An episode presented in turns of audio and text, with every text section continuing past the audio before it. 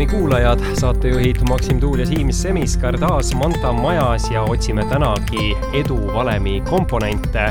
Siim, üks meie kuulaja helistas mulle kahe saate vahel ja avaldas imestust, et sa ikkagi nii edukas oled, vihjates veel eelmisel aastal ilmunud Äripäeva artiklile. et äh, kuidas sul on õnnestunud edukaks saada? sa mõtlesid välja selle kõne, jah ei mõelnud, tõepoolest äh, helistas, äh, on küll ka tuttav mul, aga sellepärast loomulikult mu numbrit teadis, aga tõepoolest ka kuulab meie saateid ja, ja talle on väga meeldinud ja tekkis selline küsimus. minu põhiline vastus siis sellele oleks, et tuleb kuulata podcast'i Edu valem ja siit saab kõik need nipid kätte väga hea vastus ja ma usun, et täna saab neid nippe veelgi juurde ja meie külaliseks on Belbini koostöökunstikooli asutaja ja juhtivtreener Mats Soomre, tere! tere, tere! Mats, räägi alustuseks, et millega sa siis ikkagi täpsemalt üldse tegeled? ma tegelen nii paljude asjadega kohati, et mul on endal ka teinekord täitsa mõtted huvitavad, kes ma olen, aga kui nüüd töö poole peale vaadata, siis ikkagi noh, sada protsenti ajast, isegi rohkem läheb puhtalt sellesama koostöökunstikooli peale, ehk siis põhimõtteliselt meeskond, meeskonna juhtimine, meeskonnatöö, kõik sellised koolituse, minu puhul siis treeningud, mida ma teen. Aga teine pool on niisugune päris huvitav enda arust küll, et äh, ma olen sattunud olukorda, kus kaks inimest vaidlevad, kes on Mats sest et need inimesed, kes on käinud golfiväljakul, teavad, et ma mängin ise golfi ja ma pildistan golfi hästi palju. ja ta teab täpselt, Mats on golfifotograaf, Mats on fotograaf. ja teine inimene, kes on personalijuht, on mul aastaid kliendiks olnud, teatab, Mats on koolitaja ja siis nad kahekesi vaidlesid mõnda aega, kuna koolitusjuht oli enesekindlam, siis jäi võitjaks koolitus, personalijuht, kes ütles, et Mats on koolitaja. aga mis sinu enda sees äh, võitjaks jääb? minu sees on nii palju neid minusid, et, et see sõltub hetkel ikkagi olukorrast, et noh, täna olen, eks ole, rääkija siin elu, eduvalemist, aga ka ikkagi töö, hobi ja need ma hoian teatud mõttes eraldi, et ma räägin töö juures hästi palju hobidest ja ma räägin hobi juures mõnikord ka tööst et ikkagi sellist olukorrast tuleneb ja eks edu valem hakkab umbes samamoodi ju välja mängima, et, et mis valdkonnas ja mis poole pealt me sellest edust räägime no kindlasti jõuame tänases saates rääkida mitme poole pealt, aga enne ikkagi, kui me lähme eduvalemi juurde, eh, ma küsiks hoopis, et eh, kuidas sa oled koolitajaks jõudnud, fotograafiks saanud, et eh, mis on sinu tee olnud, võib-olla niimoodi lühidalt no,? tee on noh, see on nii pikk lugu, et katsume kahe tunniga hakkama saada, aga, aga laias laastus on hästi no, palju kahe minutiga. äh, omal ajal ma lõpetasin Tehnikaülikooli, äh, üheksakümmend üks, võib isegi lisada cum laude lausa, mis on selles mõttes huvitav, et, et mitte ainult hindeid ja õpitekst, me ikka õppisime ka, nüüd päris udu ma vast ei ole, aga tol ajal ikkagi selgelt oli vaja õppida, kuidas õppejõududega toime tulla ja, ja Tehnikaülikool andis ikkagi väga hea hariduse just sellise loogilise seostega mõtlemise poole, et mis puudu tol ajal jäi selgelt inimeste ja meeskonna juhtimise teema, no olid ajad. aga tagantjärgi võib küll öelda, et just see, et seal olid hästi erinevad õppejõud olid, nad olid, osad olid hästi leebed, osad olid hästi ranged, osagem ausad, mõni oli lausa imelik ja mõned panid meid ikka nii proovile, et ma mõtlesingi, et huvitav, et kuidas ma selle viie nüüd seal kätte ikkagi sain, et päris täpselt ei tea, tagantjärgi mõtled õpetaski toime tulema teatud mõttes nagu harjutused iseseisvaks eluks ja tol ajal oli see viis aastat ju. ehk minust sai tarkvarainsener, ma olin programmeerija, arendaja tänapäeva mõistes, aga üsna kiiresti oli näha, et, et see on, väga meeldib, mulle siiamaani meeldib, aga see ei sobi minule, sellepärast et mul on teatud tugevused, nõrkused, nagu meil kõigil on, ja üks selliseid suuremaid nõrkusi on see, et ega ma väga detaili inimene ei ole. plaane, süsteeme väga ei kannata, ma saan hakkama nendega teatud moel aga kujutage nüüd ette programmeerijat arvuti taga, kes ei armasta süsteemsust ja vigu ei märka. ja lihtsalt, aga, aga see meeldib, see on tohutult huvitav valdkond, kus sa töötled mingeid andmeid ja sellist abstraktseid struktuure, see on väga huvitav, aga pagan, näed, ei sobi. ja mida tolleaegne juht siis leidis, et kuule, Mats, ole hea, mine kliendi juurde. ma ei mäleta, kas see oli mingi müügiteema või projekti juhtimise teema, ja kui siis sõbrad vaatasid mulle otsa, täpseid sõnu ei mäleta, aga vaatasid muidugi, küsisid, et mis sa särad, sa lähed ju kliendi juurde noh, võtke niisugune inseneri taustaga inimene, kes peab minema müüma näiteks. mina ütlesin, et aga noh, tuleb minna, lähme ja eks see nii hakkaski, et tere, tere, Maksim, tulin. ja, ja ka tol ajal ju keegi ei olnud sind õpetanud, et see kliendiga suhtlus käib niimoodi ja tolleaegne juht siis leidiski, et ma olen palju tõhusam projekte juhtima, tehast juhtima, kliendiga suhtlema, kui seal arvuti taga nikerdama ehk tagantjärgi tarkus on ikkagi see, et kui sul on äh, taiplik juht, kes oskab sinu tugevused siduda sinu tööga ja töötugevustega, siis on edu tulemas ja palju lihtsam, aga edasi oli küll nii, et lihtsalt maailm muutus väga palju ümber, ümber minu töö mõistes ja üheksakümmend kaheksa ma otsustasin, et kõik, tulen IT-st ära, ma läksin, elu ainukene kandideerimine, kus ma olen tõesti kandideerinud mingi ametikohale, sest muidu ma olen ise niisugune ettevõtja olnud, midagi teinud. IT-s olime ka ju ise ettevõtjad. ja, ja minust sai juhtimistreener ja mingil hetkel ma hakkasin päris iseseisvaks ja, ja nüüd ma olengi põhimõtteliselt juhtimistreener, meeskonnatöötreener, koostöötreener.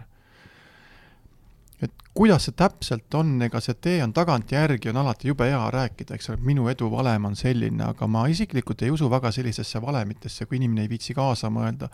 see keskkond on meil ju nii erinev, et meil on taust erinev, aga, aga üks hea rusikareegel on küll, ma ei julge nüüd peast algallikat öelda, aga see kümne tuhande tunni reegel kes on kuulnud, see juba aimab, aga rääkides Siimuga fotograafiast, et enne natukene sissejuhatuseks, et mitu kaadrit sa tegid enne, kui sa tundsid, et kuule, nüüd tuleb juba täitsa okei okay foto välja? sa siin vihjadki sellele, et, et millegis heaks saada, et siis kümme tuhat tundi tuleb sinna alla magama panna, et enne ei ole nagu lootustki. no alati on olemas ju keegi andekas või keegi õnnelik, kes võidab lotoga ja, ja mõnikord lihtsalt satuvad kokku tõesti vot andekad jooksjad, andekad korvpallurid, äh, fotograafid, koolitajad, aga see tervik on ikkagi see kümne tuhande tunni reegel, see on ikka noh, ütleme nii, et väga tõele lähedale. aga mul on siin kohe küsimus, et kui on selline püsimatu inimene, kes üheski valdkonnas ei ei jõua, ma ei tea, aastat või kahte aastat äh, olla ja seda kümme tuhandet tundi täis teha, kaugel sellest äh,, mis need inimesed peavad tegema? kuidas nüüd siis öelda, ütleme nii, nagu on. tere, Siim, mina olen see kärsitu ja püsimatu tüüp, ma olen nüüd olnud kakskümmend kolm aastat treener. ahah ehk siis äh, jaa, ma olen nõus sellega, et see, see püsimatus võib olla üsna suur raskus, aga pigem ma näen seda, et seda püsimatust ei osata rakendada. ja kui ma kas või oma tööd vaatan äh, klientidega, siis mul ju iga klient on ju mingil määral isesugune et kui ma, noh, ma ei ütle, ma nüüd kliendist ära tüdinen, nagu sa samade inimestega sama asja pead tegema väga pikalt, siis olgem ausad, eks ta minu tüüpi inimesel ikkagi natukene muutub selliseks, ma olen juba seda näinud. mul oli eile oli koolitus ja homme on koolitus, kusjuures teema on laias laastus ju sama, laias laastus. aga ma tean juba ette, et homme on mul täiesti teist tüüpi inimesed, neil on teised rollid loomulikult on mingid jutud, mida ma ju räägin või mingid näited, aga see seos, mis seal kohapeal tekib, seda ma ei oska isegi ette aimata, et mul on alati selline kolm kuni viis varianti. ja mult isegi on küsitud kunagi, see oli küll mõned aastad tagasi juba või aastaid, isegi inimest mäletan, meil oli kahepäevane meeskonnakoolitus ja siis kaks osakonda, osakonna juht üks, kes oli juht siis, kui mina tudeng olin.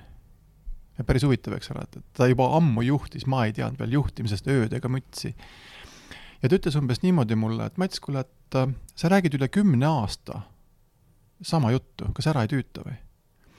tegemist oli ühe kirurgiosakonna vanema õega, hästi huvitav inimene, niisugune elukogenud, rahulik, konkreetne, niisugune hästi muhe.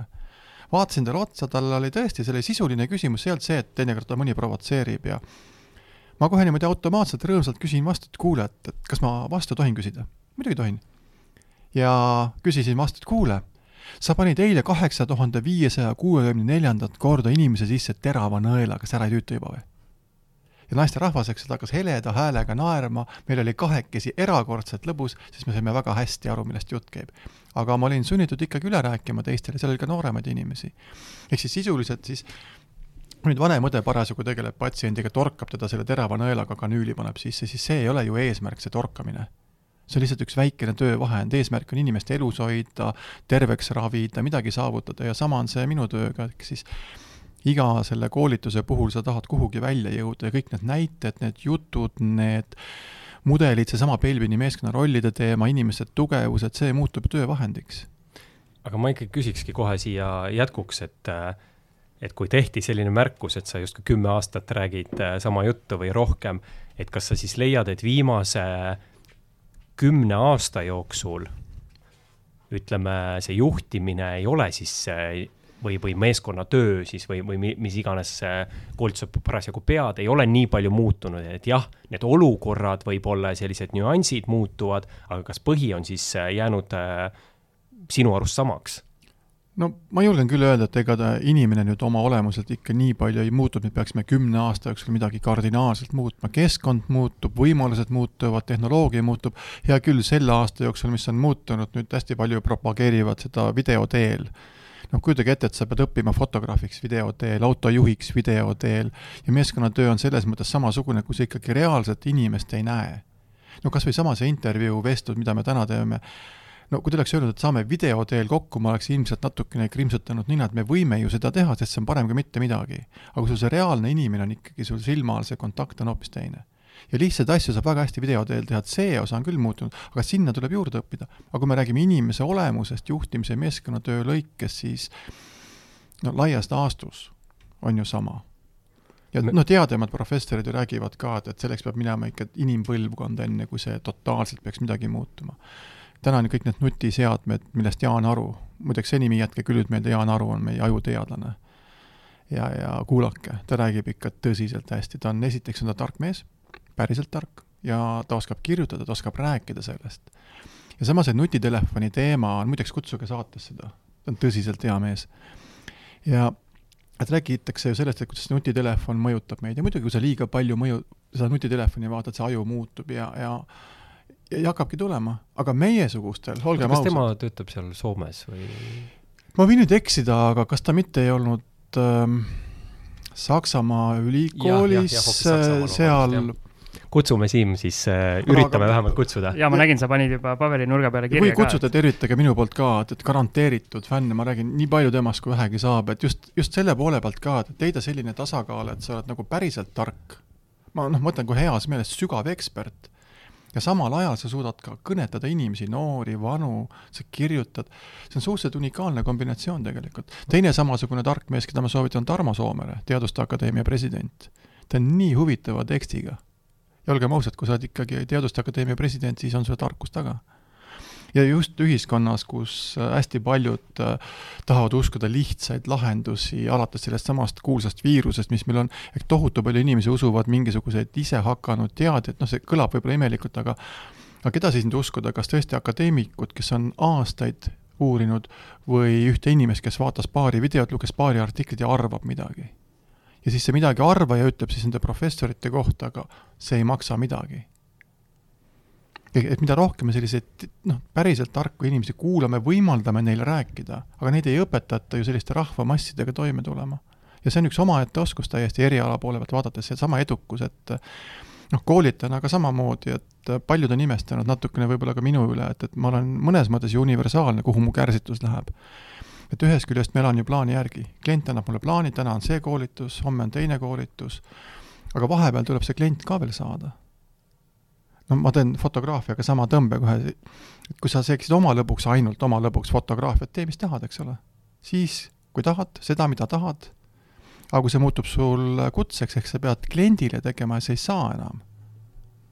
siin tuleb äh, hästi oma kliente valida. oo jaa aga mina ütleks üldse vahele, et me sellepärast tegelikult saate tegimegi, et neid tarku inimesi siia kutsuda, et nad räägiks ja see jõuakski äh, massideni. aga ma nüüd äh, natukene lükkaks äh, veel teise suunda või tuleks ta, tagasi meie vestluses, et hakkasid juhtimistreeneriks ja enne seda sa olid tegelikult suhteliselt ikkagi lühikest aega olnud juht, et siin küll tegevjuhina vist müügidirektorina nagu tegutsenud, et, et kuidas nagu selleni jõuda või kust võtta selline enesekindlus või miks mitte öelda lausa ülbus, et mina hakkan nüüd koolitama, nagu sa ise nimetasid no,, äh, juhte, kes olid juba ammu juhid, kui mina veel siin äh, ei osanud potil käia, et selles mõttes, äh, et vot kust selline. aga mulle see lähenemine meeldib, päris hea, et kõike pole kirja pandud. kust sa võtad selle, et mina ise ütlesin, et mina hakkan koolitama? mina ei öelnud endale midagi. sellest see konks ongi muideks.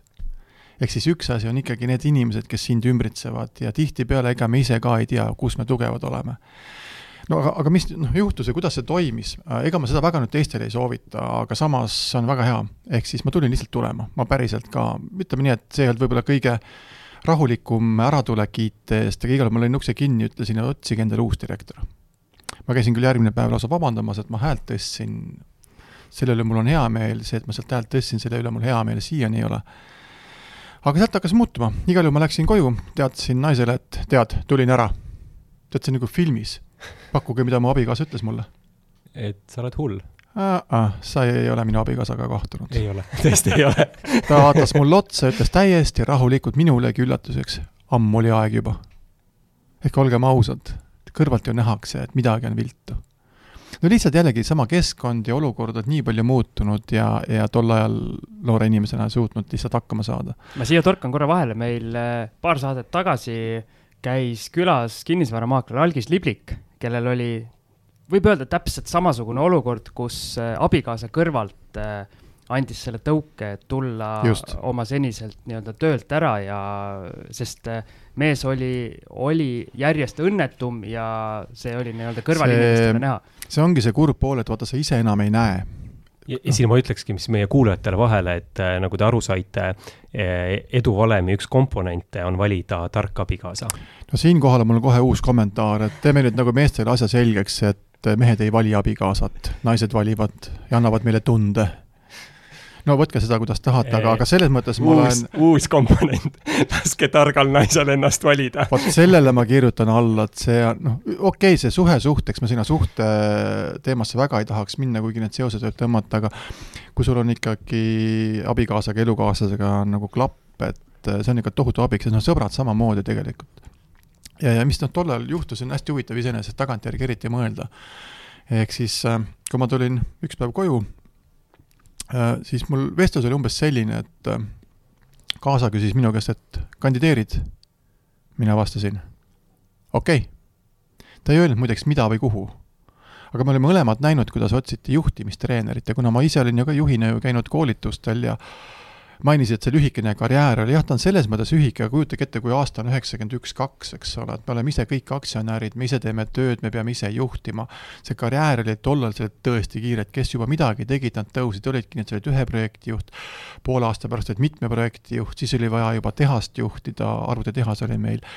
et see tohutu kiire, täna noh, tihtipeale nii kiiresti enam karjääri ei tehta, eks ole et, et oligi ja see julgus pigem tuli ikkagi sellest, et kui juba kaasa ütleb sulle, et, et kuule, mine. ja olgem ausad, et ähm, ilma tema tõuketa ma oleks ilmselt kõhklema jäänud, kas ikka lähen, sest see on nii teine töö esmapilgul. aga minu mõte oli selline, et kui ma olin käinud äh, neid samu juhtimiskoolitustel osalemas, et aga kuidas nad teevad seda? või ma, kui ma Siimu pilte vaatan, see on ka nii oot-oot-oot, korv, korvpalli tead sa päris palju vist, kui ma ei eksi et oot-oot-oot, kust sa selle nurga nüüd said, oota, kuidas sa mõtled, kuidas teed seda, see ei ole niimoodi, sa oled klõpp, klõpp ja valmis, see ei ole, see on hull töö. see, see on, see on kõva töö, sa pead mõtlema, sa pead nägema, sa pead tegema, sa käid ringi, eks ole, ja tekibki see sportlik huvi, koolitaja, see ei ole niimoodi, et koolitaja tuleb kohale, kohtub toredate inimestega, räägib toredat juttu läheb toredalt ära. ja, ja tänaseks on hästi palju kliente, kes päriselt, äh, just eile tulin kliendiga, viisin juhi koju veel, ta oli tee peal mul peaaegu. nojah et see, kuidas sa teed ikka, see võtab ju topelt kogu see energiat, ma ütlesin, no jaa, aga, aga ma ei hakka poole vinnaga tegema ju. ja, ja nüüd ongi see kõrvalseis on see, kes ütleb sulle, et mida sa oled võimeline ja, ja nii me siis tegimegi. ühesõnaga siis..., sa ütled, et sa oled siis järelikult äh, kokku puutunud äh, heade inimestega? tagantjärgi võib alati need punktid üles leida, me ei tea ette, et üks, teine või kolmas inimene on oluline. aga, aga kui nüüd abikaasa poole vaadata, siis põhimõtteliselt meil on sellised sisemised naljad ikkagi, et mina olen ikkagi tema kõige parem projekt sest meil on see raudne kokkulepe, kusjuures ta töötab nüüd minuga, ta tõsiselt aitab mind, et mul on nii hea turvaline tunne, et on teatud asjad, mis saavad tehtud, aga kui ta peaks minema minu asemel kliendiga suhtlema või kliendiga rääkima, siis meid ootab ees noh, ütleme niimoodi, et seda vestlust ma ei taha. aga, aga ongi tööjaotus mina olen kõik see, kes siis selle kliendiga toimetab, tema selline strateegiliselt mul taga aitab otsustada, aitab selliseid igapäevaseid asju koos hoida ja kui sellist eduvalemit või, või toome siis selle õnnelikkuse valemi korraks siia juurde, eks ole, no raha rahaks, eks ole, raha niikuinii vaja, noh elada on vaja, põhjamaine kliima. kas te teate, kui palju teil iga kuu laekub raha kontole? mina tean, jah. no vot, siis on sul veel arenguruumi, vabandust minu otsekohes, mul pole õrna aimugi, palju on, võib-olla läheb.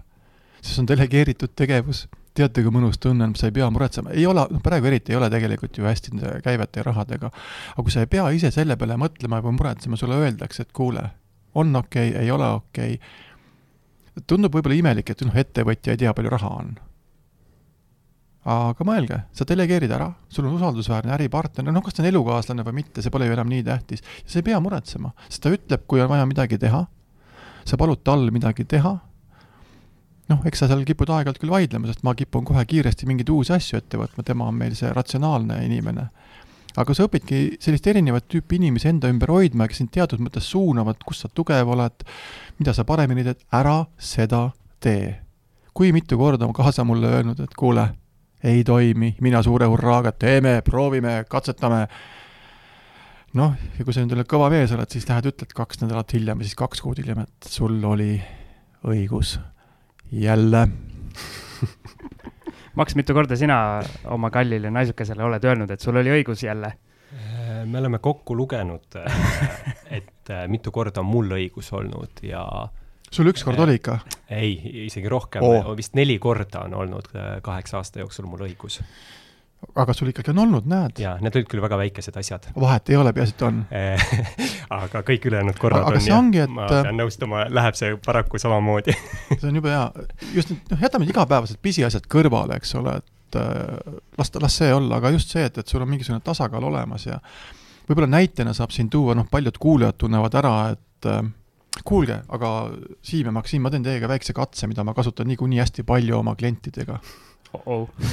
verbaal, see on niisugune verbaalne. sellist asja pole meie saates veel kunagi varem olnud. nii, oleme valmis. aga teeme niimoodi, et siis vastake ausalt, nii nagu päriselt on seda ei saa vist lubada. Me ikkagi otse-eetris kahjuks on nüüd niimoodi, et, et ei ole meil televisiooni siin podcast'is, aga oleks praegu näinud Siimu ja Maksimi nägusid.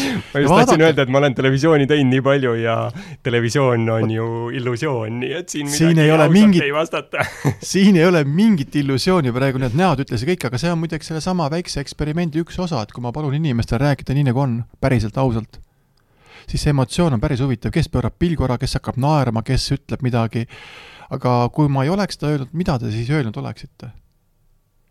no ma arvan ma..., ma ise arvan, et vastus ei oleks väga muutunud või? võimalik, ehk ma, ma eeldangi seda, et vastus ei muutu, aga paraku on niimoodi, et meil on nii palju erinevaid inimesi, meil on äh, erinevaid kogemusi, et väga tihti tuleb selline diplomaatiline korrektsus ehk tulevad sellised päheõpitud vastused, mida me arvame, et oodatakse, aga ma ei oota seda, ma ootan, mida te päriselt mõtlete samas ma ei taha ju otseselt muuta inimest, tere Maksim, tulin sind muutma või kutsume Siimu meeskonna koolitusele, ütleme tere Siim, ma tulin sinu isiksust muutma. Nonsense. küll aga mida ma teha saan, ongi see, et miks ma julgen selliseid äh, ka nooremast peast neid juhte noh, heas mõttes õpetada, treenida, on see, et osa infot tuleb ju selgelt inimestelt. ja mina olen pigem see, kes on katalüsaator, ma küsin, ma võin küsida lihtsalt, ma võin küsida keeruliselt, mul üks hea klient ütles, ütleme nii, et täitsa otse ilma keerutab, Mats, sa oled üks vastik tüüp, sa küsid vastikuid küsimusi. aga tead, kui ma õhtul kodus mõtlen nende üle järgi, need olid nii õiged küsimused, aitäh sulle. vot see on otsekohesus ja kui üks inimene sul aastas, ainult üks, ütleb kas või, siis tunned küll, et kuule, see läks hästi. ja kahtepidi, esiteks ma sain ta mõtlema, ta jõudis järeldusele ja, ja teine on see, et kui ta nii otsekoheselt räägib sulle endale nii, nagu ta tegelikult mõtles, teatud mõttes julgus, ausus, või siis üks äh, osaleja, kes oli, no ta oli umbes sellise näoga mul seal koolitusel, et noh, vaatab sulle otsa niimoodi, noh, televisiooni on vaja. ta ei Ühes... räägi, ta ei räägi vastu eriti. ühesõnaga, ma ütlen kuulajatele, et Mats tegi niisugust, niisugust tapvat kobra pilku. no midagi sinna, niisugune leebe kobra, ütleme nii ja siis, kui, ma isegi ei mäleta, kas oli kohv, see oli vist lõunapausile läksime ja siis jäime kuidagi rääkima ja ja tuleb see inimene, vaatab mulle otsa, ütleb mulle niimoodi, Mats, ma hommikust saadik vihkan sind aga ole hea, tee edasi, see mõjub hästi. aga sa vaatad talle otsa, kui ta ütleb niimoodi otsekohesel moel, sa näed ära, et sellele mitte mingisugust pahatahtlikkust, ta päriselt, ehk need teemad on teinekord keerulised ja need on ebamugavad, midagi teha ei ole. oota, aga ma tuleks nüüd tagasi. oot, oot, mul tekib siin üks võrdlus, ma olen eluaeg spordiga tegelenud ja seal on ka seesama, seesama põhimõte, et kui ei ole ebamugav, ei ole arengut. kuule, teeme kohe diili. räägime spordist ka juurde ehk siis täpselt sama teema ma räägin siin toimus vahepeal käesurumine või selles mõttes, et äh, diili kinnituseks. et äh, ma toon hästi palju näiteid spordist, ma ei ole suur sportlane olnud, kuigi ma olen Aleksander Tšikini, mäletad? Äh, ei no, mäleta, aga tean. see, vot see mees oli, vot see mees oli treeneri ideaal, kui minust ei saanud mingit suurt sportlast, aga noh, tead, noorest peast ikka teed ja Tšik oli selline huvitav inimene, et ta sundis meid trenni tegema niimoodi, et ta ei sundinud meid. täiesti uskumatu võime oli ja mina, kes ma pole eluaeg mitte kunagi pole pikka maad ju suutnud joosta. Siis ta suutis meid niimoodi panna jooksma pikka maad, ma olin muidugi noh, päriselt ma ei olnud mingi suur sportlane, aga ta andis ikka mingi pisiku sisse, nii et ma päris kott ka ei olnud. aga ma olin ju sprinter ja ta pani, see oli nii ebamugav, see, see võhmatreening. Need, kes on päriselt sportlased, teavad paremini. aga see tõmbab sul nii ribadeks, sul kaob igasugune isu ära no,. see on tegelikult igas valdkonnas no, et meie saadetes ka välja tulnud, et sellest mugavustsoonist tuleb välja tulla selleks, et äh, ikkagi toimuks nagu areng edasiminek. no vot, ja minu roll ongi tihti enamikel koolitustel, mis on treeningute vormis ma toon inimesed mugavustsoonist välja välja. ja isegi kui ma ei taha seda, ma teen hästi leebelt. ma, ma toon nad ikkagi mõtted sellisel kujul ja nüüd on endale vaja tunnistada, et jah, mina pean ennast ju arendama, mina olen midagi valesti teinud, mitte keskkond, mitte Euroopa Liit, unustage ära, see on meis kinni, see on hästi palju meis kinni. aga ma tahaks ikkagi nüüd tagasi minna korraks Proovi. Äh, selles mõttes, et äh, et sa enne siis küsisid meie käest, et, et sa kohe nagu teed meiega mingi eksperimendi, et vastake ausalt, et kas see oligi see kogu eksperiment see või sa tahtsid päriselt ei, ka midagi küsida? ma tahan päriselt ka küsida, aga ma teen siis leebe variandi. Äh, jaa, leebe variant okay. kindlasti hea. paluks leebe olla et äh, te tunnete nii ehk naa mõnda inimest oma sõprade või klientide või, või koostööpartnerite hulgas, kes on oma olemuselt sellised tugevad skeptikud. ärge nime palun öelge, aga kujutage ette.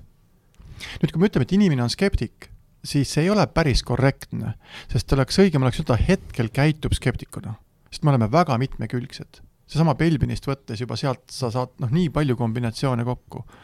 aga öelge nüüd äh, nii, nagu siis on, ausalt ja otse, kas skeptilisus kui üks tunnus hästi paljude hulgast, kas see on pigem negatiivne tunnusõna või pigem positiivne tunnusõna? mina ütleks negatiivne mina ütleks, et see oleneb olukorrast. niisiis, nüüd ma lähen koju, naine küsib minu käest, et kuidas ma väljenen, sõltub olukorrast. aga ongi nii? ei ole nii. esimest korda elus ma näen, Siim, et sa eksisid. ahah ei, aga mõelge nüüd uuesti. aga okei okay, ma aiman no,, ma ei tea, ma aiman. mina, mina toon siia nagu teise paralleeli, mis näidet mina toon tavaliselt Proovi. nagu inimesi noh, kirjeldades või, või ütleme, eriti tööl, kui tulevad mingid tööülesanded ja et, et noh, mulle ei meeldi küll inimesi lahterdada, aga eh, et on osa, nimetagem neid ka kaudselt siis skeptikuteks või otseselt, et kes alati leiavad põhjuse, miks ei saa. mulle meeldib koostööd inimestega oot, teha. oot-oot, Maksim, nüüd ma katkestan, nüüd ma katkestan, ma no. näen juba, kuidas sa libised kraavi poole raginal. teeme nüüd nagu selgeks. skeptik ja pessimist, näete vahet? sa räägid pessimistist, mina räägin skeptikust ai, Maksim naeratab mõnuga, mees mõtleb. ei, aga mõelge nüüd korraks uuesti, me ajame segamini.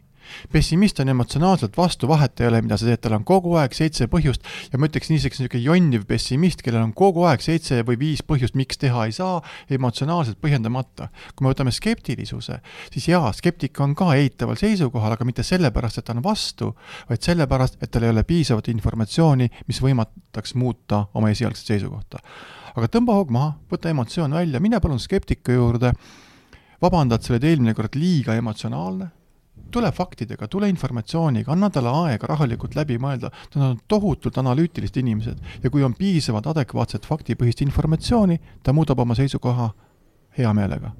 ja kui ta ei muuda, tähendab, ei olnud piisavalt infot. ehk siis skeptik ei ole mitte vastu põhimõtteliselt, vaid ta lihtsalt ei ole tal ole soovi ega tahtmist, isegi mitte võimet emotsioonidega tegeleda, ta tegeleb infoga. ta on tohutult hea otsustaja. ehk teatud mõttes nagu, nagu, nagu toidu tegemisel pipar, kas pipar on hea või halb maitseaine sõltub. ei sõltu. piipar on väga hea maitseaine, aga sõltub kokast, kas sa oskad kasutada või ei oska. nojah. sa kas arvestad oma sõbra maitse taluvusega, retseptiga, pipraga, aga skeptik on meeskonnas sama nagu piipar skeptik toob meeskonnast välja kõige parema osa, aga ka kõige halvema osa. ja kui skeptik ratsionaalselt otsustab ebamugava otsuse, olgem ausad, te vajate seda, aga ei meeldi. aga see, et sulle ei meeldi olukorra kirjeldus, mis on untsu läinud, see on emotsioon.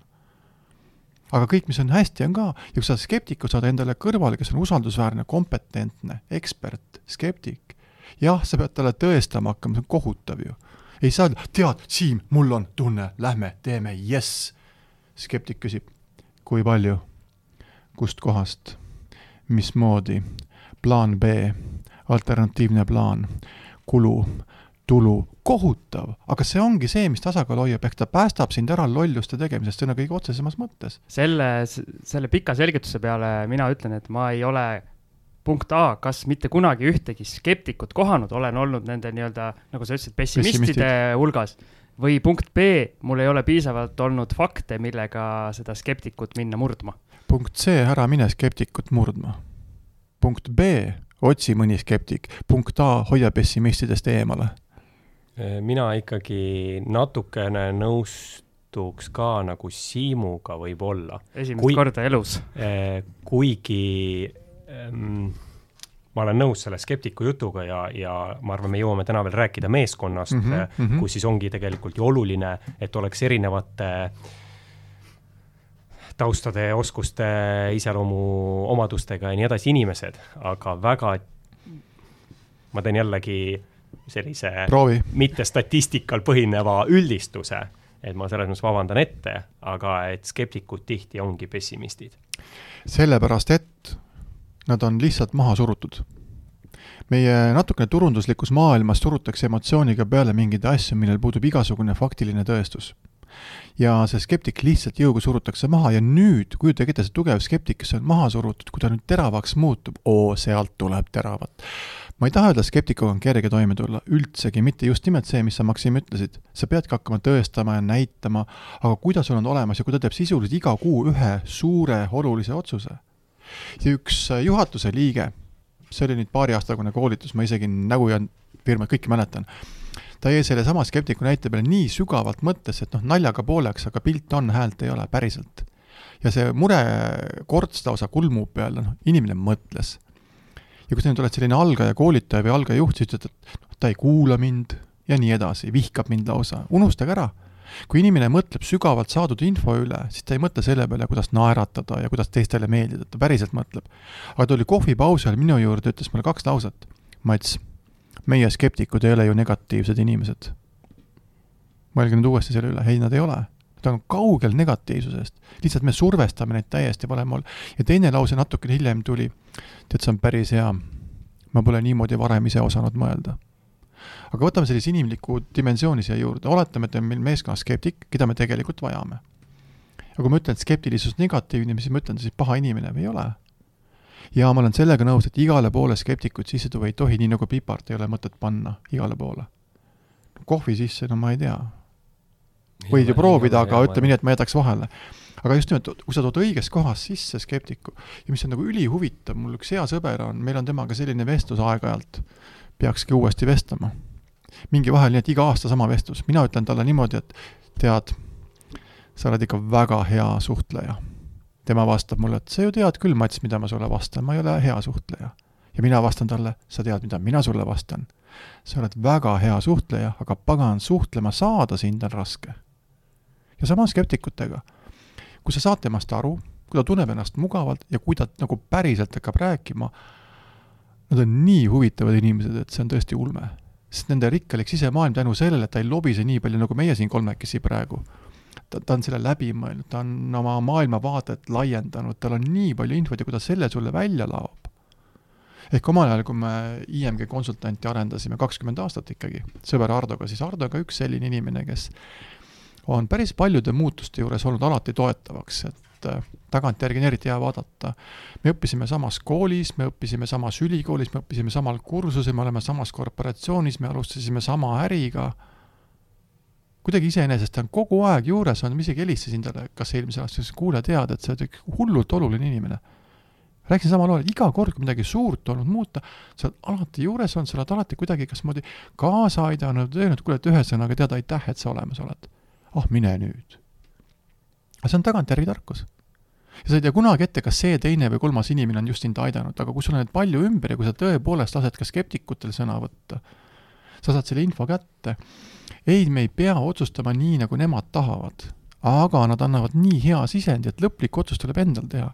ehk viidates korra veebileheküljele, kui kirjutada viis soovitust, kuidas elus hakkama saada, belbin.ee, reklaam aga, aga see on nagu selles mõttes kokku korjatud on küll, et, et õppige palun eksperte usaldama. Kui sa ei usalda seda eksperti, no pagan, võtke keegi teine. aga ei ole mõtet kõiki valdkondi endale selgeks teha, sa ei jõua teha seda. ja, ja sealt pinnalt hakkab tulema juba edu ju. aga lasemegi kuulajatel natuke selle üle mõtiskleda ja aga teeme lühikese pausi. lühikene paus ja jätkame Manta majas vestlust koolitaja Mats Soomrega ja nüüd on Mats meil ees ootamas äh, tosin küsimust. Siim küsib, äh, kiiresti pead vastama. koolitajana ma loodan, et äh, saad hakkama. mul jäi meelde sõna ma loodan mul ei ole alternatiivi, saame hakkama.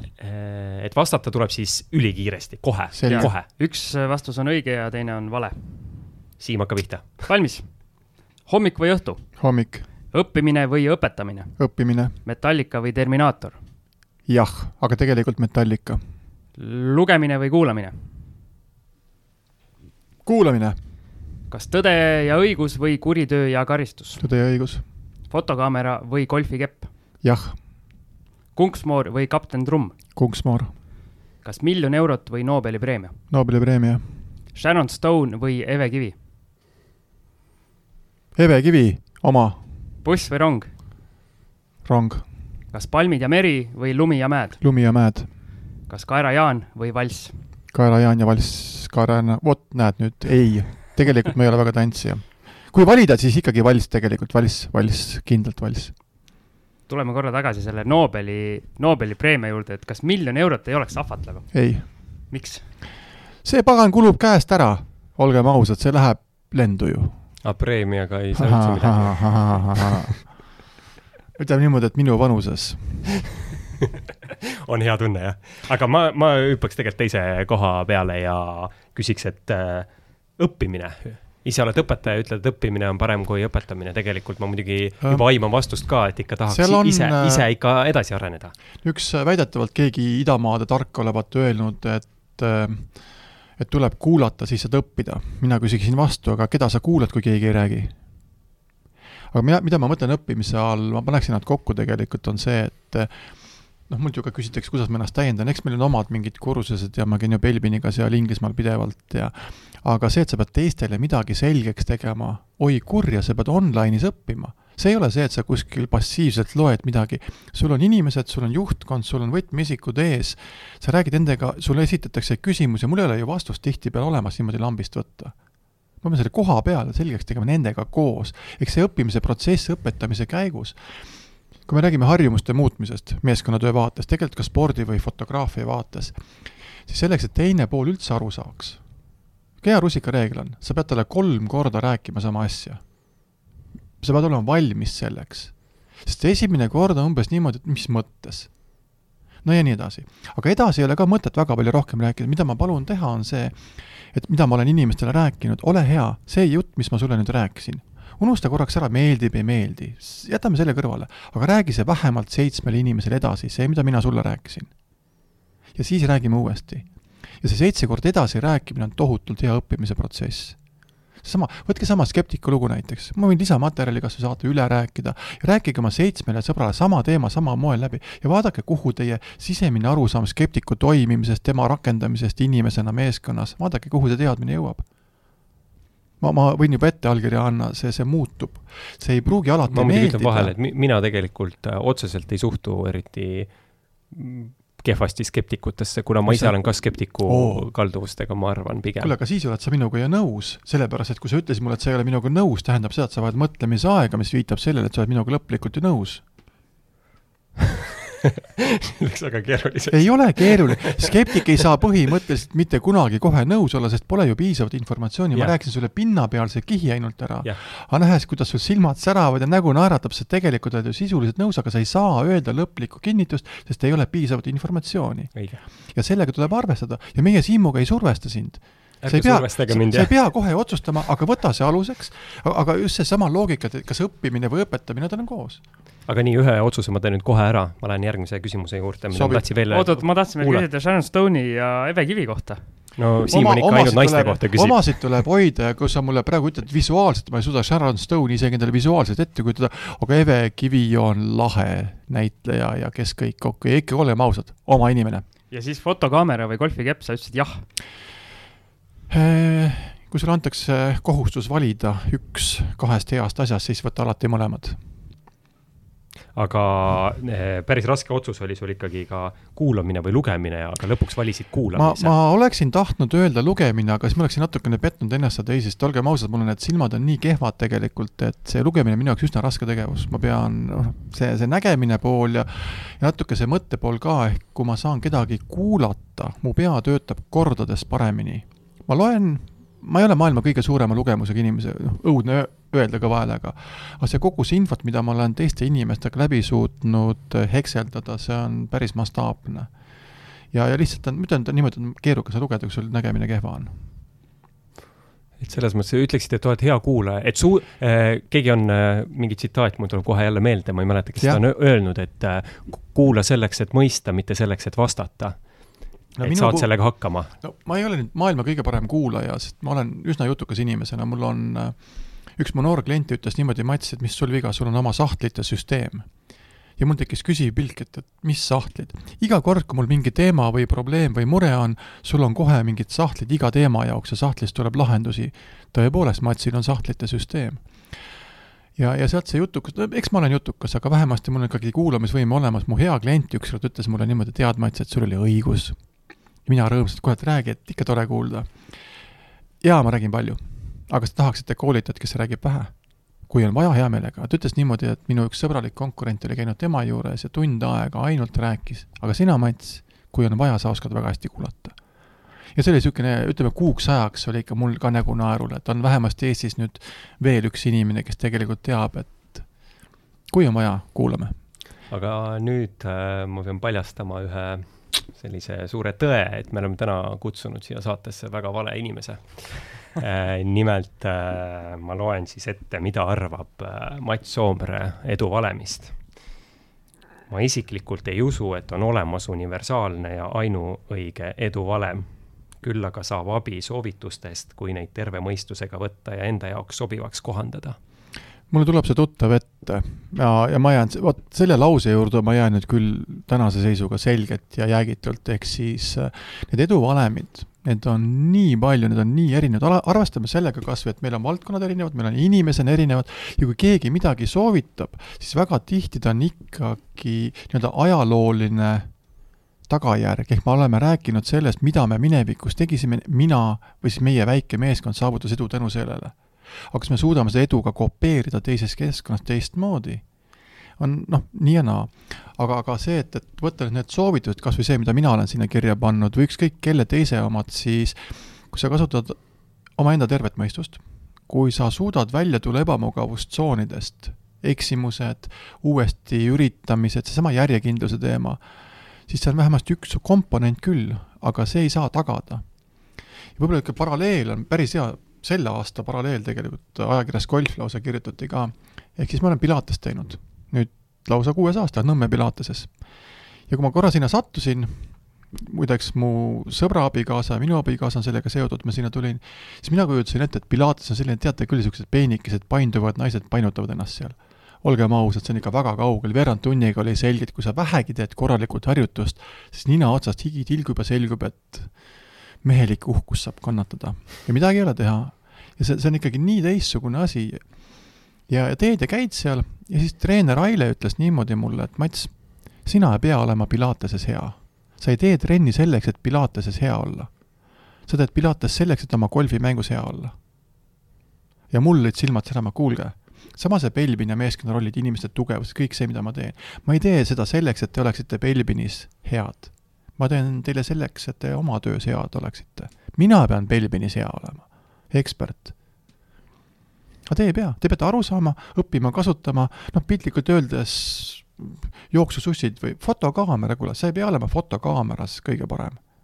sa pead seda jagama nii palju, kas sul on Canon või Nikon? Canon. Cool, mul ka no see on see, ma, ma, ma ei oleks sinna lõksu läinud, kui oleksid, oleksid öelnud Nikon, ma ütlesin, kuule, et väga hea, saame võrrelda aga, aga ongi see, et ega sa ei pea olema ju kaameraehituses maailma kõige parem, sa pead olema spordifotograafias isegi mitte võib-olla maailma, vaid Euroopa kõige parem. no ma ei tea, kui palju meie kuulajaid nüüd see huvitab, aga ma sellele vastan, et mul hästi palju tuleb äh, tuttavatelt küsimusi, et mis kaamerat ma võiks osta. ja mina ütlen selle peale, et ma ei oska midagi soovitada, sest äh, minul on äh, nii-öelda kogu aeg äh, põhimõtteliselt kindel kaamera, millega ma tegutsen ja, ja neid tuleb ju kümneid ja sadu kogu aeg välja ja ma ei, ma lihtsalt ei oskagi no,. umbes sama, lihtsalt selle vahega, et ma olen oma olemuselt ikkagi väga kindel soovitaja, küsi mu käest, milline kaamera. soovita mulle mõni, mõni hea kaamera, mida ma võiksin osta. osta see kaamera, mis su sõbral on ja päriselt ka muideks, te saate kogemusi vahetada, te saate teineteiselt õppida. aga siis läks täitsa fotojutuks ära, nii et äh, tuleme tagasi Edu Valemi, ma hoopis küsin, et äh, Küsi. mis äh, omadusi ma pean arendama, et äh, saada edukamaks? oma tugevusi, punkt. ma mõtlesin, et Max tahab küsida, mis autot tegelikult ootasingi. et nüüd... meil on tegelikult siit saatest ka läbi käinud, et et on öeldud, et tuleb arendada oma tugevusi, mõned on öelnud ka, et et, et, et arenda oma nõrkused, ütleme, nõrkusi edasi, aga ka tugevusi edasi. aga sina oled, ma tean, et öelnud päris otse välja, et nõrkustega nagu justkui väga ei ole üldse mõtet tegeleda, et arenda no, oma tugevusi. no kui nüüd on vaja valida, siis jätke need nõrkused rahule, nendega te ei jõua mitte kuhugi.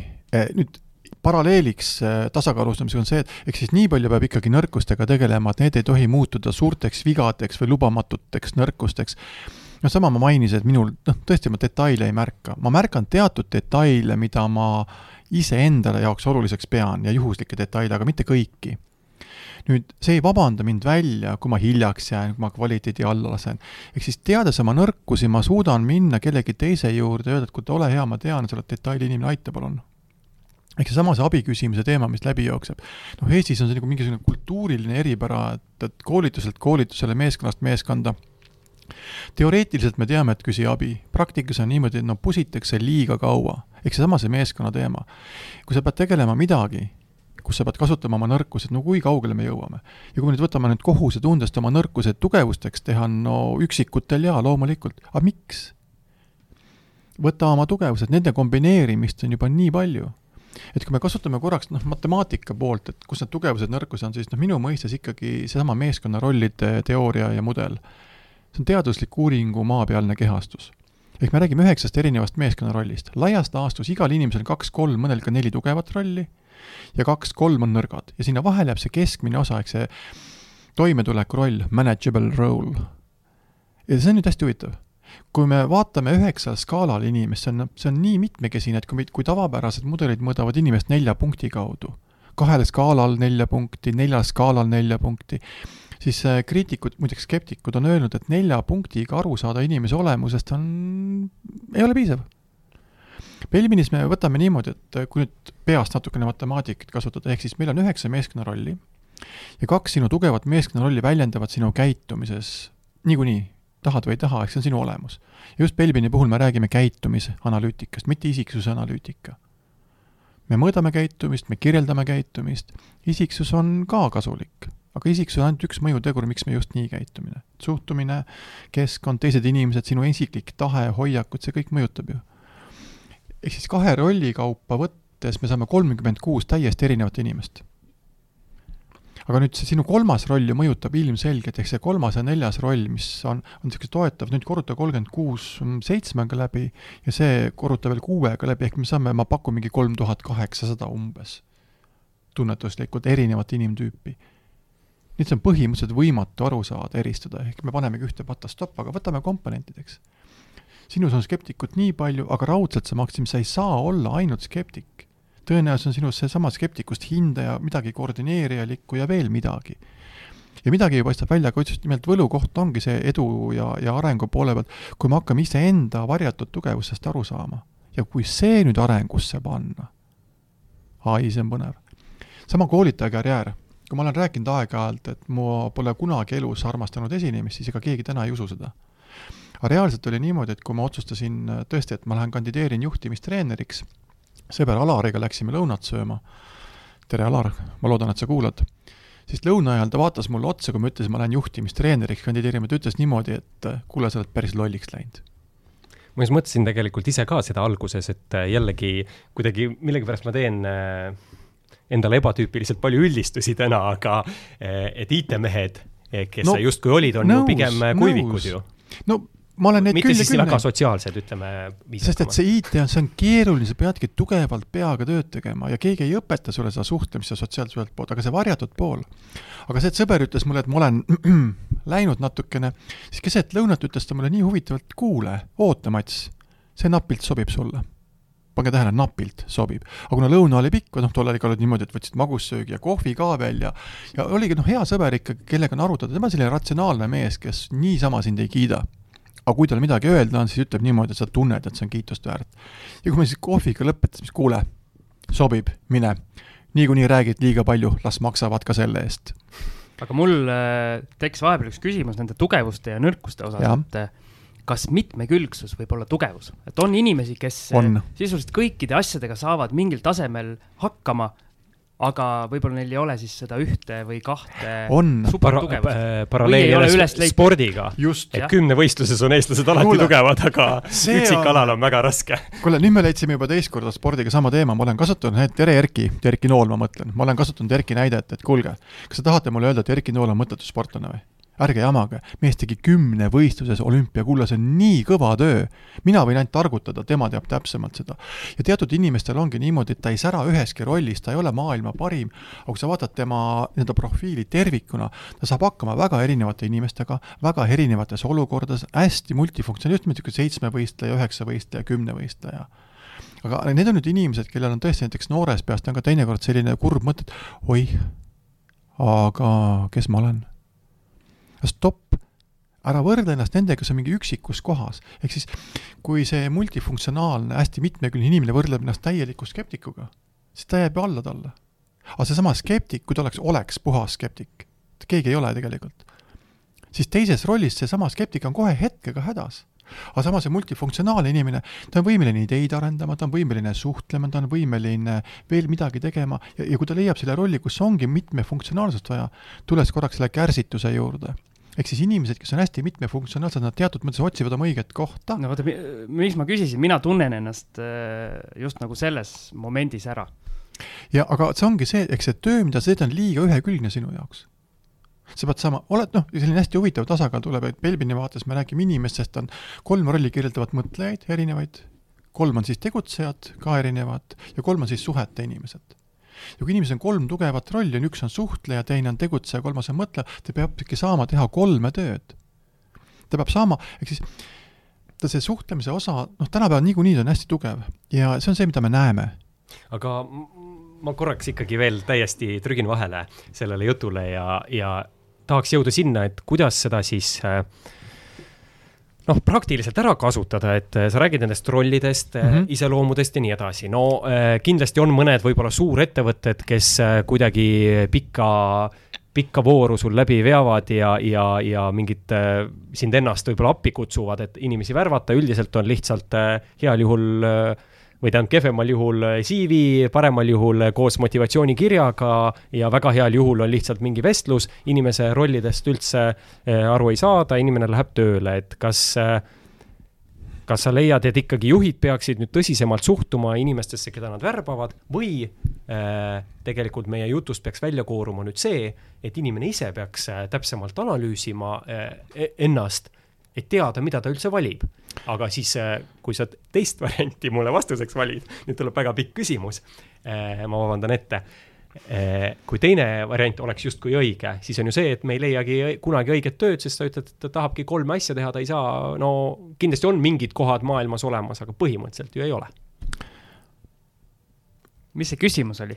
küsimus oli siis, et mul on seitse vastust ke,. kes seda põhjalikku analüüsi nüüd võiks, peaks, tegema? tegelikult ei ole mitte mingit vahet, kes, peaasi, et teed seda. ja, ja sama, et kui me räägime sellest, eks sa ei leia enda kohta, siis noh, Eestis laias laastus ettevõtlus ju põhineb sellel, igal pool mujal ka, enamik ettevõtteid on väikeettevõtted, pisiettevõtted, mikroettevõtted. ja nii kui sa oled sellises väikeettevõttes, sa oledki multifunktsionaalne no ükskõik, oled sa fotograaf või koolitaja, see äh, klient tuleb ikka leida. kliendi leidmine, kliendi hoidmine ja oma erialal tegutsemine on kolm nii erinevat rolli. Pilti teeks igaüks, aga nüüd leia klient, kes maksab ka sellest. koolitajaid ka ja sa saad, katad ära oma mitmekülgsuse juba sellega, et sa saadki erinevat tööd teha, aga sa pead teadlikult selle valiku tegema. jah, aga ma arvan, Siim pidas silmas ja olen isegi tegelikult seda tundnud, et ikkagi see nii-öelda sisuline töö, et ütleme, sellist manageerimisoskust on meil mõlemal kindlasti olemas, et eelarvet saame kokku ja, ja, ja äh, arveid väljastatud ja kliente leitud, aga nüüd see nagu töö on ikkagi ju see töö, mida sa teed. jaa, see töö iseloom, ehk siis elama see äh,, rääkides, mida me saame analüüsida, üks on puhtal kujul, ongi iseenda analüüs äh,, minu tugevused, minu nõrkused.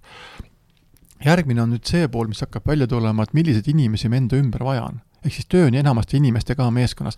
Neid inimesi, kes saavad töötada ilma teistega kokku puutumata, neid on vähe aga kolmas võlu sellesama Bailey juures on puhtal kujul on see, et me võime ka töökoha ära analüüsida, et mida see töö eeldab mitte erialase väljaõppe poole pealt, ehk sama, kui ma ütlesin, ma olin progeja, programmeerija, arendaja, siis seal neid rolle on väga erinevaid, üks peab kliendiga suhtlema, et kliendist aru saada, teine peab algoritmid välja mõtlema, kolmas roll on see kodeerimine, siis on testimine, juurutamine, projekti juhtimine, sul on eriala sees nii palju erinevaid rolle, vaata kui needsamad värbajad nüüd ise hakkaksid valima natuke rohkem, mitte, mitte selle puhta CV järgi, loomulikult peab seda arvestama oma väljaõpet ka aga mida see töö veel eeldab, kas ta eeldab sellist põhjalikku läbimõtlemist ja kaalutlemist, mis sobib skeptikutele, või on see selline kriisijuhtimise tüüp, et olukorrad muutuvad päevas kaks korda? ja, ja, ja sealt pinnalt nüüd, kas nüüd teeb seda juht, teeb seda personalijuht, okei okay., aga miks mitte inimene ise? Helena Laus, kes on meil väga hea koolitaja, koostööpartner, personalijuht, me oleme temaga nii palju asju arutanud teemal, siis me kirjutasime lausa kokku kahe peale loo, kuidas tutvustada iseennast, kui sa lähed uude kohta. ja kui sa ei tunne oma tugevusi, siis tekibki selline teema, et, et me räägime kas oma sotsiaalsest staatusest, oma väljaõppest, oma rollist mingisuguse funktsiooni järgi, me võime teha niimoodi, kuule, aga proovime, Maksim, sobib? Sobib, sobib, Max on valmis. Siim on, Siim on rõõmsalt nõus, sest ta otsustas Maksimi eest ära praegu yeah.. skeptiku eest otsustada on võimas, okei okay,, aga tere, teeme niimoodi, teeme uue katse, tere, Maksim. Äh, tere, Mats. kes sa oled? väga hea küsimus hakkab pihta, et äh, ma ütlen juba igaks juhuks ette kõrvale, ega ma olen ise samamoodi hädas kohati, et, et kui sult küsitakse, kes sa oled ja see sõltub ju sellisest keskkonnast, aga räägime korraks töö mõistes, kes sa oled? Ma olen, ma olen sellele küsimusele päris äh, mitu korda mõelnud, ma ütlen ausalt. aga, aga, aga, aga siin ongi, see ongi, ikkagi ei see, see ongi keeruline vastata, aga mida me siis kohast ma pihta hakkan, ma tean, et tööintervjuul ikkagi oli sul selles mõttes täiesti õigus, et loomulikult hakkad ikka pihta oma haridusest, töö, töökogemusest ja nii edasi. mina ütlen, sa valid oma vastavalt situatsioonile see, mis äh, nii-öelda vastaspoolele kõige rohkem nagu kõnetab. no vot, aga kui sa nüüd ajad udu enda kohta kui mina hakkaksin rääkima, et ma olen detailiinimene, ehk siis ja. lihtsalt näite nagu. aga mina... siis sa saadki tööle. aga vale töö. ja nüüd ongi niimoodi, me võtame CV ja jutu põhjal inimese tööle ja kui see on vale töö, vale roll, siis poole aastaga on inimene murdunud. ma olen näinud kahjuks neid ja eks ma, vaata sama minu enda näide, eks see töö peab ka sobima sinu loomupäraste tugevustega. see ei tähenda, et sa pead alati ainult ühte tööd tegema ja see ei tähenda ka seda, et sa ei peaks üldse mingit teatud tööd tegema, ühesõnaga, sa ei tohi ka tegemata jätta. aga kui sa liiga kaua aega teed täiesti vale tööd. ehk kui mina pean nokitsema rutiinselt laua taga detailirikkast tööd plaani järgi, siis loomulikult ma pean mõnda aega hakkama saama. aga see ei tasu ennast ära, see ei ole tööandjale hea, see pole ettevõtjale hea, see pole töötajale endale hea, see pole meeskonnale hea, lõpuks on see, et kodus ütleb ka sul teine pool, et kuule, aeg oleks mõelda vahetamise peale.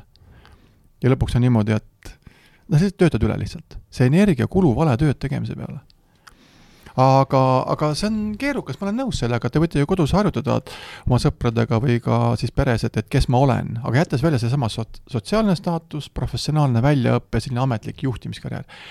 aga näiteks noh, kui on nagu tõsiselt mingi projektipõhine kokkupuude, siis mina olen öelnud niimoodi, et äh, soovitusega, see on enesekindlamatel inimestel, alusta nõrkustest, sellega me väldime valed ootused. Tavaline inimene, palun, palun, palun, alustage tugevustest, jätab niisuguse positiivse mulje aga mina ütlen üsna otse, et, et kui sa nagu päriselt mõtled minuga koos teha, siis Maksim, kui sa nüüd ootad minu käest detaile, rutiini, plaane, tohutut kvaliteedinõuded, siis ma ei ole õige inimene, see ei ole minu tugevus. aga mida ma olen õppinud elus ja tänu Belvinile ka, on see, et ma oskan nende inimestega toime tulla. ehk siis, kui mul on meeskonnas inimene, kes on tõesti perfektsionist, kes on niisugune praktiline organiseerija, siis ma olen võimeline neid kaasama, neid tööle panema ja see on see, millega ma hakkama saan. ma leian alati mingi lahenduse, mul on mingi kontakt, mul on probleemidele alati mingid võimalused. ma suudan inimesed mõtlema panna, see on see, mida ma suudan teha. ja see on sinu otsus, kumba tööd sa rohkem vajad. ma mõtlen selle üle hetke, nii et teeme pausi. paus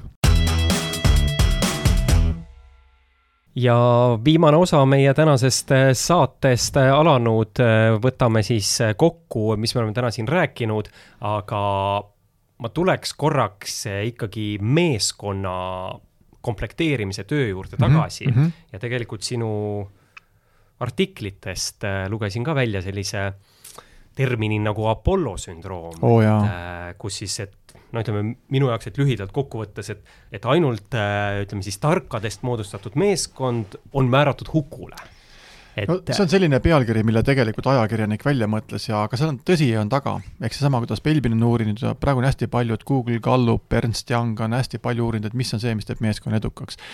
Äh, jätkuvalt me oleme harjunud mõtlema selle peale, et erialane väljaõpe, niisugune võimekus, aga häda ongi see, et kui me paneme väga võimekad tüübid kokku, ütleme nii sellise ekspertteadmiste ja, ja peatöö mõistes, siis nad on liiga sarnased, nad hakkavad lihtsalt konkureerima teineteisega, nad ei kata ära kogu seda meeskonnatöö ampluaad ja sealt tulebki selline konflikt tuleb sisse paratamatult, et et see Apollo sündroom väljendabki just nimelt seda, et, et kui sa paned ainult ühe väga kitsa kriteeriumi järgi inimesed kokku, siis sealt ei tule välja.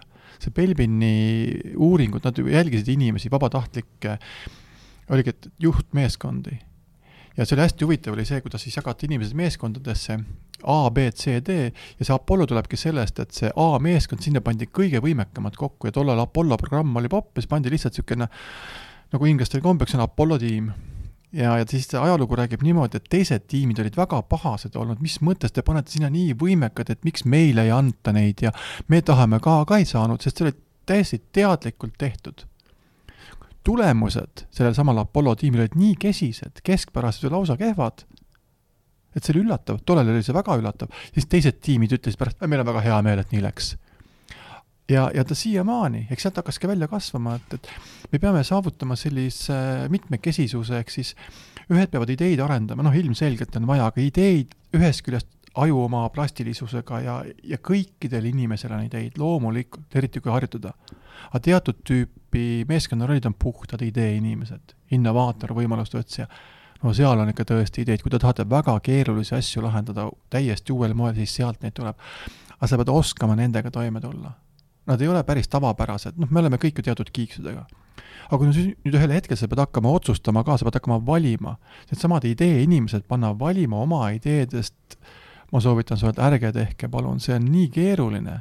mõnel üksikul on võimekus olemas ja aga kui nüüd on otsused tehtud, siis keegi peab hakkama ellu ka viima, keegi praktilise meelega. ja keegi peab lõpetama, keegi peab vaatama, et sul oleks piisavalt tempo, me ei saa targutada siin nädalate kaupa, meil on vaja töö ära teha, see on ettevõte. me peame saavutama.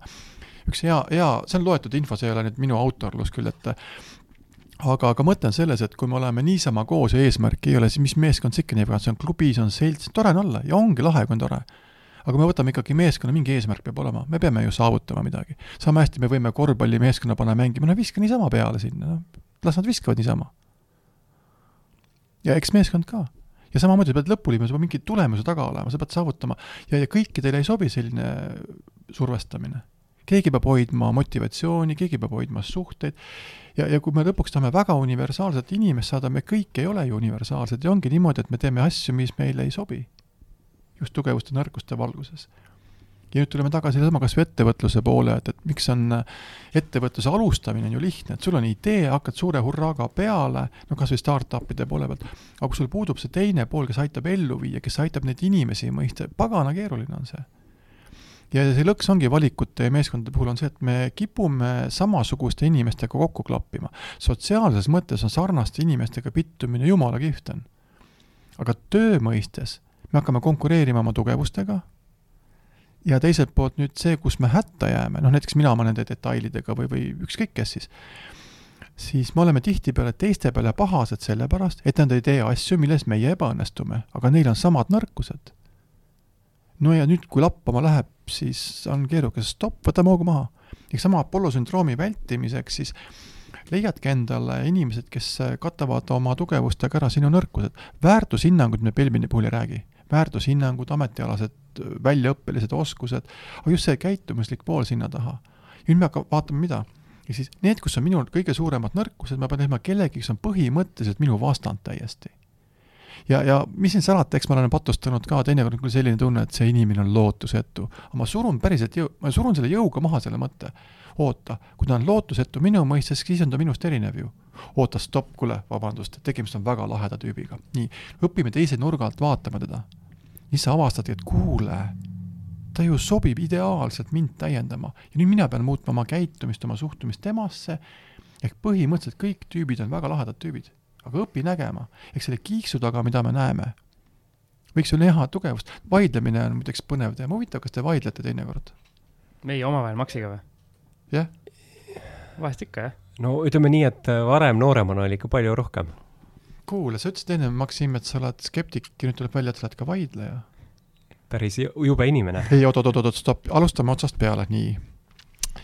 vaidlev skeptik on väga muhe tüüp ja väga hea äh, suhtumine. aga ma ütleks päriselt ka, jällegi, vaidleva skeptikuga toime tulla meeskonnas ei ütle, et see on kerge, aga ülesanne, kuulge, aga kuulajatele ka üks ülesanne. teeme. Ükskõik, kas te tunnete nüüd ennast ära või kedagi teist, siis vaidlemine muideks ei ole vastutöötamine. aga keeleliselt on ju sisse ehitatud juba sihuke, et öeldakse, et ära vaidle vastu. nõus, see vaidlemine kipub olema natuke selline alternatiivi otsimine ja ma ütleksin pigem niimoodi, et vaidlemine on oskus ja tahe hästi julgelt kohe alternatiivid välja käia. ja enamik vaidlejaid ei ole ju otseselt vastu, vaid ta näeb kohe midagi muud. mõnikord on ka vastu, aga proovige vaidlejad või vaidlejatega. ehk siis öelge niimoodi iseendale või oma sõbrale, ära vaidle vastu, vaidle poolt. päriselt ka. mõni ehmatab ära, mõni proovib, see, kuidas suhtlus muutub sa ei pea oma seisukohta muutma, sa võid rahulikult jääda oma algse seisukoha juurde, aga ära hakka vastu punnitama, vaidle poolt.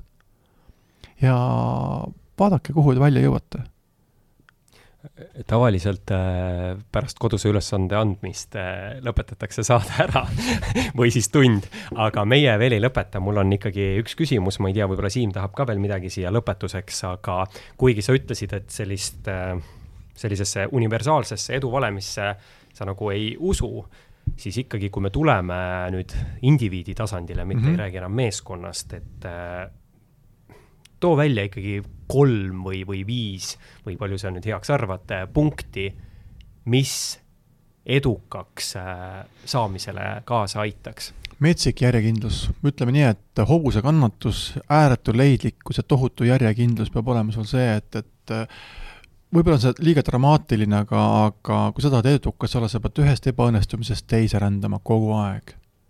Ja see tase ju tõuseb, ehk see teatud mõttes niisugune eksponendi teema tekib, et selleks, et saada kaks korda paremaks, pead sa neli korda rohkem tööd tegema. sa pead olema valmis äh, raskused ületama, ebamugavustsoonidest läbi minema ja olgem ausad, teinekord reede õhtuks tundma, et noh, asi ongi untsu läinud.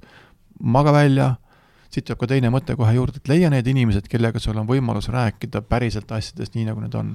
kui on kehvasti, rääkige, mis on kehvasti, mida teha saab, kui on hästi, siis keegi peab patsutama õlale, ütlema ka.